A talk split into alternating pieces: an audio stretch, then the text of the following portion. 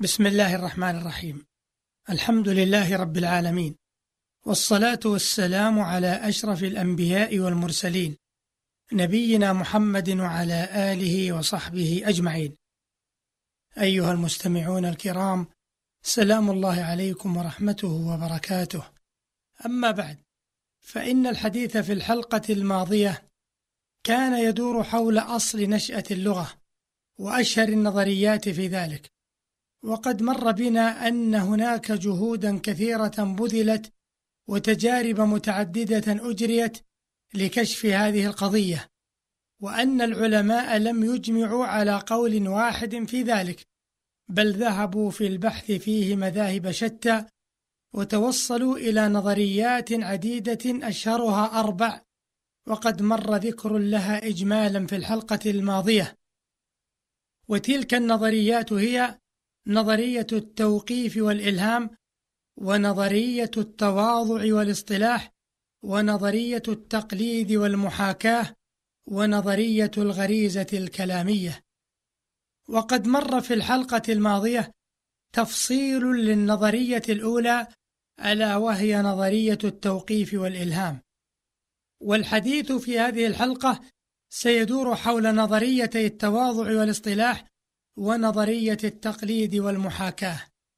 معاشر المستمعين الكرام، أما نظرية التواضع والاصطلاح أو يقال نظرية المواضعة فتتلخص في أن اللغة مواضعة واتفاق بين الناس بحيث يصطلحون على كذا وكذا من الألفاظ وقد قال بهذه النظرية الفيلسوف اليوناني ديموكريت في القرن الخامس قبل الميلاد.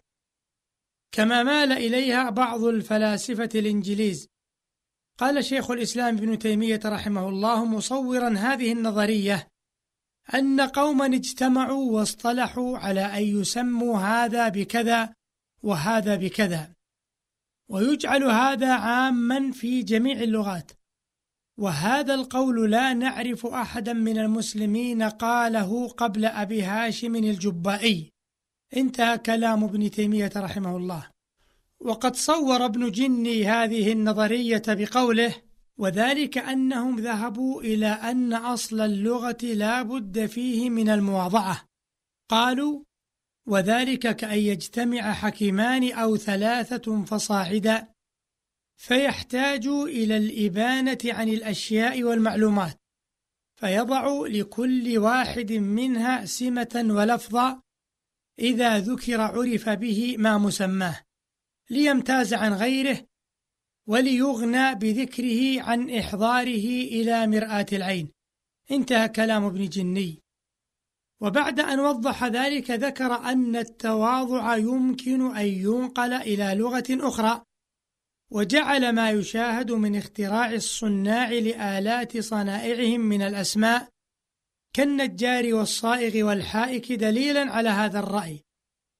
هذا وقد اعترض على هذه النظرية باعتراضات منها ما يلي: أولا أن التواضع يحتاج فيه إلى لغة سابقة يتفاهم بها. ثانيا أنه لا يكون حكماء يتواضعون بدون لغة. فهذه النظرية إذن لا تحل المشكلة ولا تخلو من المآخذ. ثالثا من الاعتراضات التي وجهت لنظرية التواضع والاصطلاح أن هذا القول مجرد دعوى تفتقر إلى دليل. يقول شيخ الإسلام ابن تيمية رحمه الله فلا يمكن لأحد أن ينقل عن العرب بل ولا عن أمة من الأمم أنه اجتمع جماعة فوضعوا هذه الأسماء الموجودة في اللغة ثم استعملوها بعد الوضع.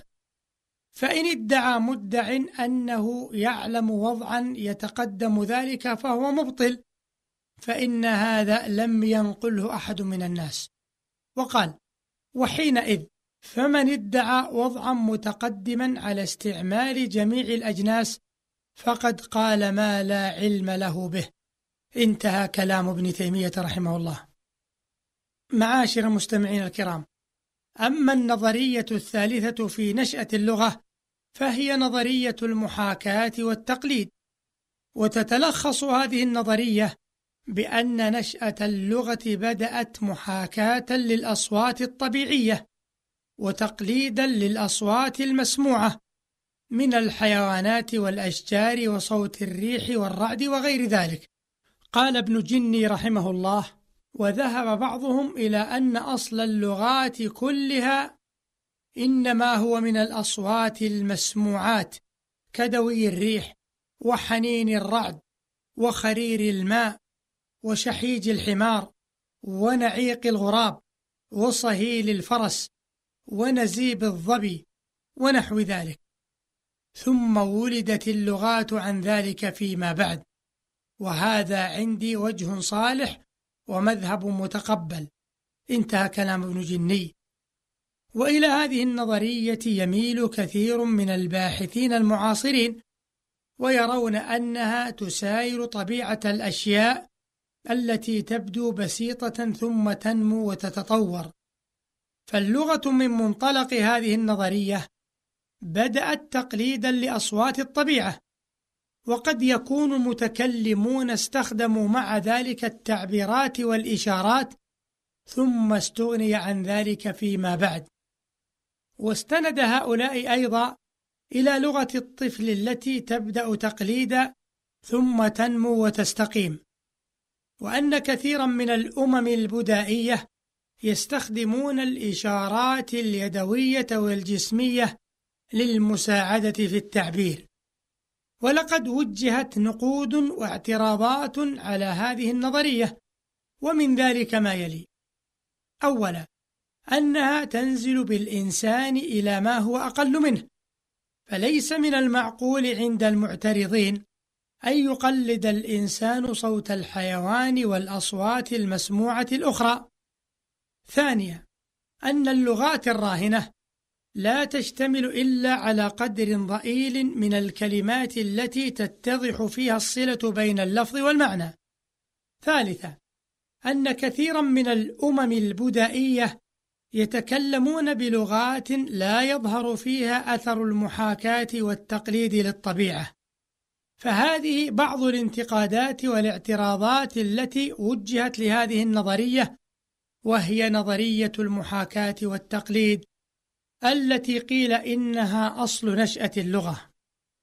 معاشر مستمعين الكرام إلى هنا ينتهي وقت هذه الحلقة التي دارت حول نظريتين من النظريات التي قيل إنهما أصل نشأة اللغة وهما نظرية التواضع والاصطلاح ونظرية التقليد والمحاكاة.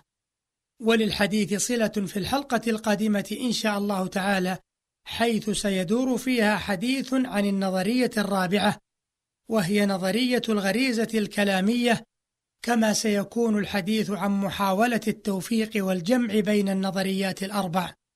فإلى ذلكم الحين. أستودعكم الله الذي لا تضيع ودائعه. والسلام عليكم ورحمة الله وبركاته.